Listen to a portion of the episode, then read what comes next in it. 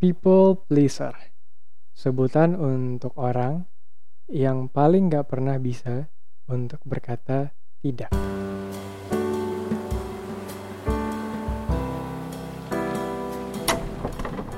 Anyway, mungkin kamu pernah kali ya bertemu dengan seorang yang gak pernah untuk bisa berkata tidak.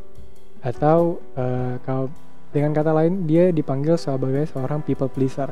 Jadi yang selalu menyenangkan hati orang lain ya walaupun dalam hatinya juga sebenarnya nggak nggak nggak sesuai dengan apa yang dia lakuin gitu. Nah, e, biar nggak misleading juga, aku udah nyari dari Psychology Today about people pleaser. Nah, di sini tuh ditulis bahwa a people pleaser is one of the nicest and most helpful people you know They never say no. You can always count on them for a favor. In fact, they spend a great deal of time doing things for other people so they get their work done, help others with their work, make all the plans, and are always there for family members and friends. So far, this sounds like a good thing. Unfortunately, it can be an extremely unhealthy pattern of behavior. Jadi udah jelas ya people pleaser itu adalah seorang yang paling gak bisa untuk berkata tidak. Dan dia itu akan ngelakuin ini seolah-olah untuk menyenangkan orang lain, seolah-olah untuk membuat orang lain itu e, merasa terbantu dengan e, apa yang dia lakuin, tapi sebenarnya itu tuh nggak bagus gitu loh, maksudnya untuk dianya. Dan orang lain juga akan selalu berharap padanya nantinya. Nah, atau dalam kata lain, si people pleaser ini selalu menempatkan orang lain sebagai posisi prioritas dan lebih penting daripada dirinya sendiri. Tapi benar-benar dia lakuin ya. Jadi kayak misalnya dia dia mengatakan iya dan dia ngelakuin itu buat orang yang minta tolong sama dia gitu. Jadi itu yang termasuk dalam kategori people pleaser mungkin kita bisa ngeliat orang yang sering menjadi people pleaser atau mungkin itu diri kita sendiri yang jadi people pleasernya. Uh, jadi kita nggak bisa bilang enggak sama orang lain dan kita ngelakuin hal tersebut untuk orang lain. Padahal kita sebenarnya nggak mau ngelakuinnya. Kalau misalnya kamu jadi people pleaser ini coba kamu cek ke diri kamu sendiri apakah kamu takut akan sebuah rejection penolakan dari orang lain dan juga yang kedua adalah apakah kamu takut dengan sebuah kegagalan? Nah kalau misalnya dua ini ada berarti otomatis kamu nggak langsung jadi people pleaser juga tapi ini bisa menjadi uh, faktor yang mendukung kamu untuk menjadi seorang people pleaser. Yang pertama itu tentang fear of rejection yang tadi aku bilang.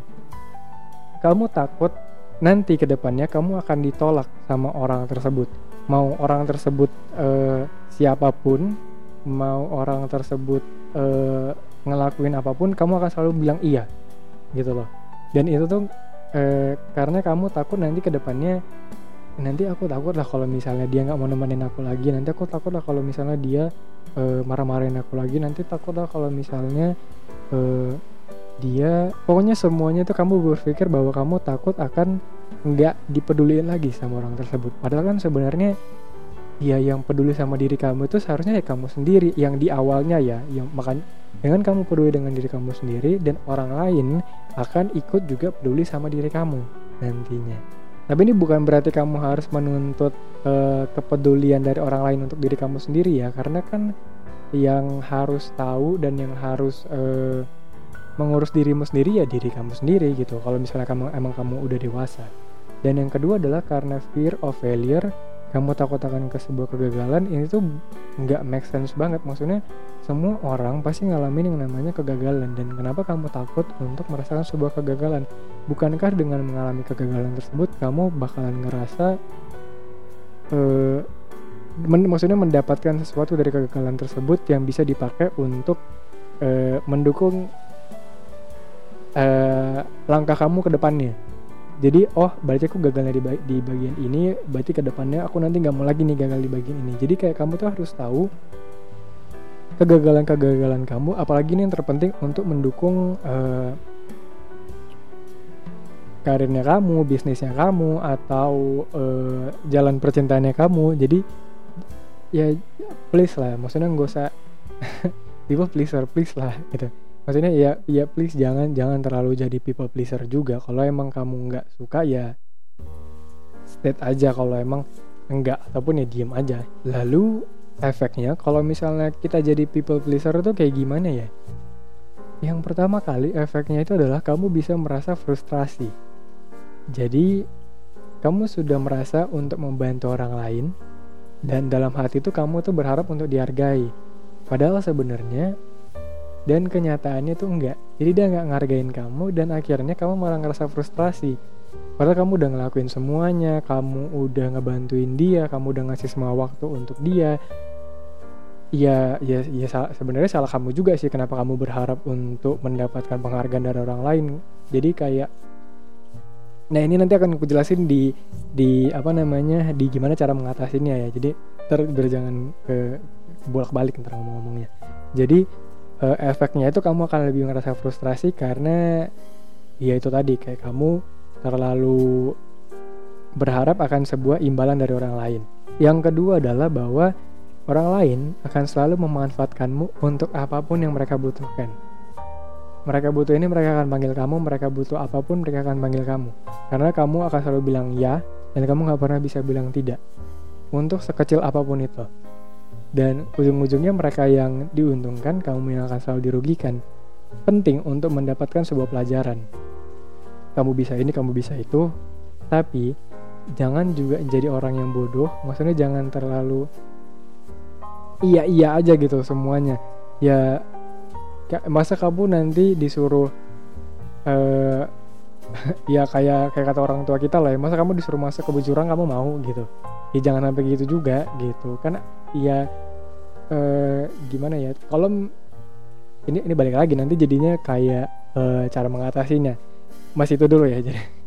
Jadi orang lain akan bisa selalu memanfaatkanmu yang ketiga adalah sesudah frustrasi kamu akan berlanjut merasa stres dan bahkan bisa merasa burnout.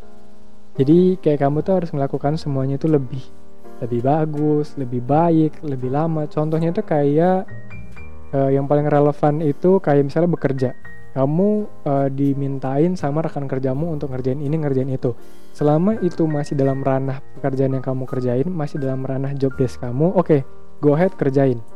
Tapi kalau misalnya udah bukan ranah kerjaanmu dan kamu tahu udah ada list of priority yang harus dikerjain uh, apa namanya dan kamu akhirnya memaksakan untuk memberikan lebih.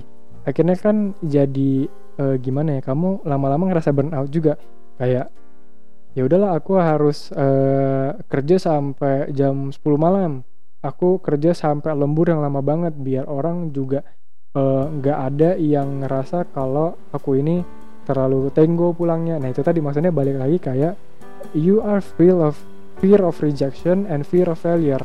Gitu kamu takut kamu terlalu takut dengan hal-hal yang sebenarnya nggak jadi main point di sana gitu. Nah gimana cara mengatasinya? Ini nih aku nggak maksudnya aku udah udah pengen banget ngomong dari tadi tapi uh, kita kan harus jelas dulu ya apa yang yang menjadi efek kalau misalnya kita jadi people pleaser. Nah si cara mengatasinya adalah dengan ada tiga sih di sini. Jadi uh, langkah pertamanya di sini adalah kalau memang kamu ingin melakukan sesuatu yang baik lakukanlah itu karena memang berasal dari hatimu. Memang itu panggilan dari dirimu untuk melakukan hal tersebut. Kalau memang kamu berpikir bahwa oke okay, aku melakukan ini untuk kebaikan bersama dan kebaikanku juga. Kebaikan bersamanya juga harus dipikir-pikir ya. Jangan menguntungkan orang lain secara penuh gitu. Kalau bersama ya otomatis kan udah semuanya harus uh, mendapatkan keuntungannya gitu. Jangan orang lain yang lebih banyak daripada kamu. Atau juga sebaliknya jangan kamu yang untung lebih banyak. Atau dan orang lain juga uh, merasa rugi. Ya jangan gitu juga gitu. Nah, jadi semuanya sama-sama senang semuanya sama-sama bahagia. Ya ya fair lah jadinya. Terus yang kedua adalah belajar untuk memprioritaskan dirimu. Tapi perlu diingat di sini tuh jangan jadi egois ya. Jangan jadi manusia egois yang pengen semuanya aku aku dan aku. Enggak kamu tetap harus lihat uh, keadaan kondisi sekitar terus habis itu kamu juga harus berhikmat untuk melakukan sesuatu. Dan ini tuh uh, lebih kepada lihat dulu maksudnya kalau memang prioritas uh, kamu terus yang harus dilakuin seperti apa ya lakuin itu. Jangan kalau misalnya kamu balik lagi ya ini tuh misalnya kayak kamu itu di di waktu tertentu harus uh, les bahasa Inggris misalnya. Nah terus tiba-tiba ada temanmu yang minta tolong sama kamu untuk hal yang gak penting gak urgent banget. Jadi kayak eh temenin ke aku jalan-jalan ke mall dong. Kan ya padahal itu waktunya kamu pengen harus les bahasa Inggris gitu. Itu kan kayak ya udah bisa nanti nggak harus sekarang. Tunggu aku selesai les ya. Dan kalau misalnya dia teman kamu marah gara-gara kamu nggak bisa nemenin dan kamu udah ngejelasin kamu juga ada sesuatu yang harus dilakukan ya kamu ngerti dong itu teman seperti apa gitu kan? Nah uh, yang ketiga di sini adalah kalau memang kamu merasa masih sulit untuk berkata tidak, aku rasa aku bisa mensuggest kamu untuk ngomong ke psikolog eh, dan dan nanya maksudnya kayak ini gimana ya betternya uh, untuk supaya aku nggak nggak terlalu jadi people pleaser atau uh, uh, lebih gimana bawaannya. Dan kan dia nanti di sana lebih intens untuk ngobrolin kayak dari sebelumnya kenapa dan dan gara-gara fear apa sih sebenarnya kamu ngerasain. Jadi kayak lebih dibahas lebih deep lagi di sana. So itu dia podcast uh, untuk kali ini. Dan see you in the next podcast. Goodbye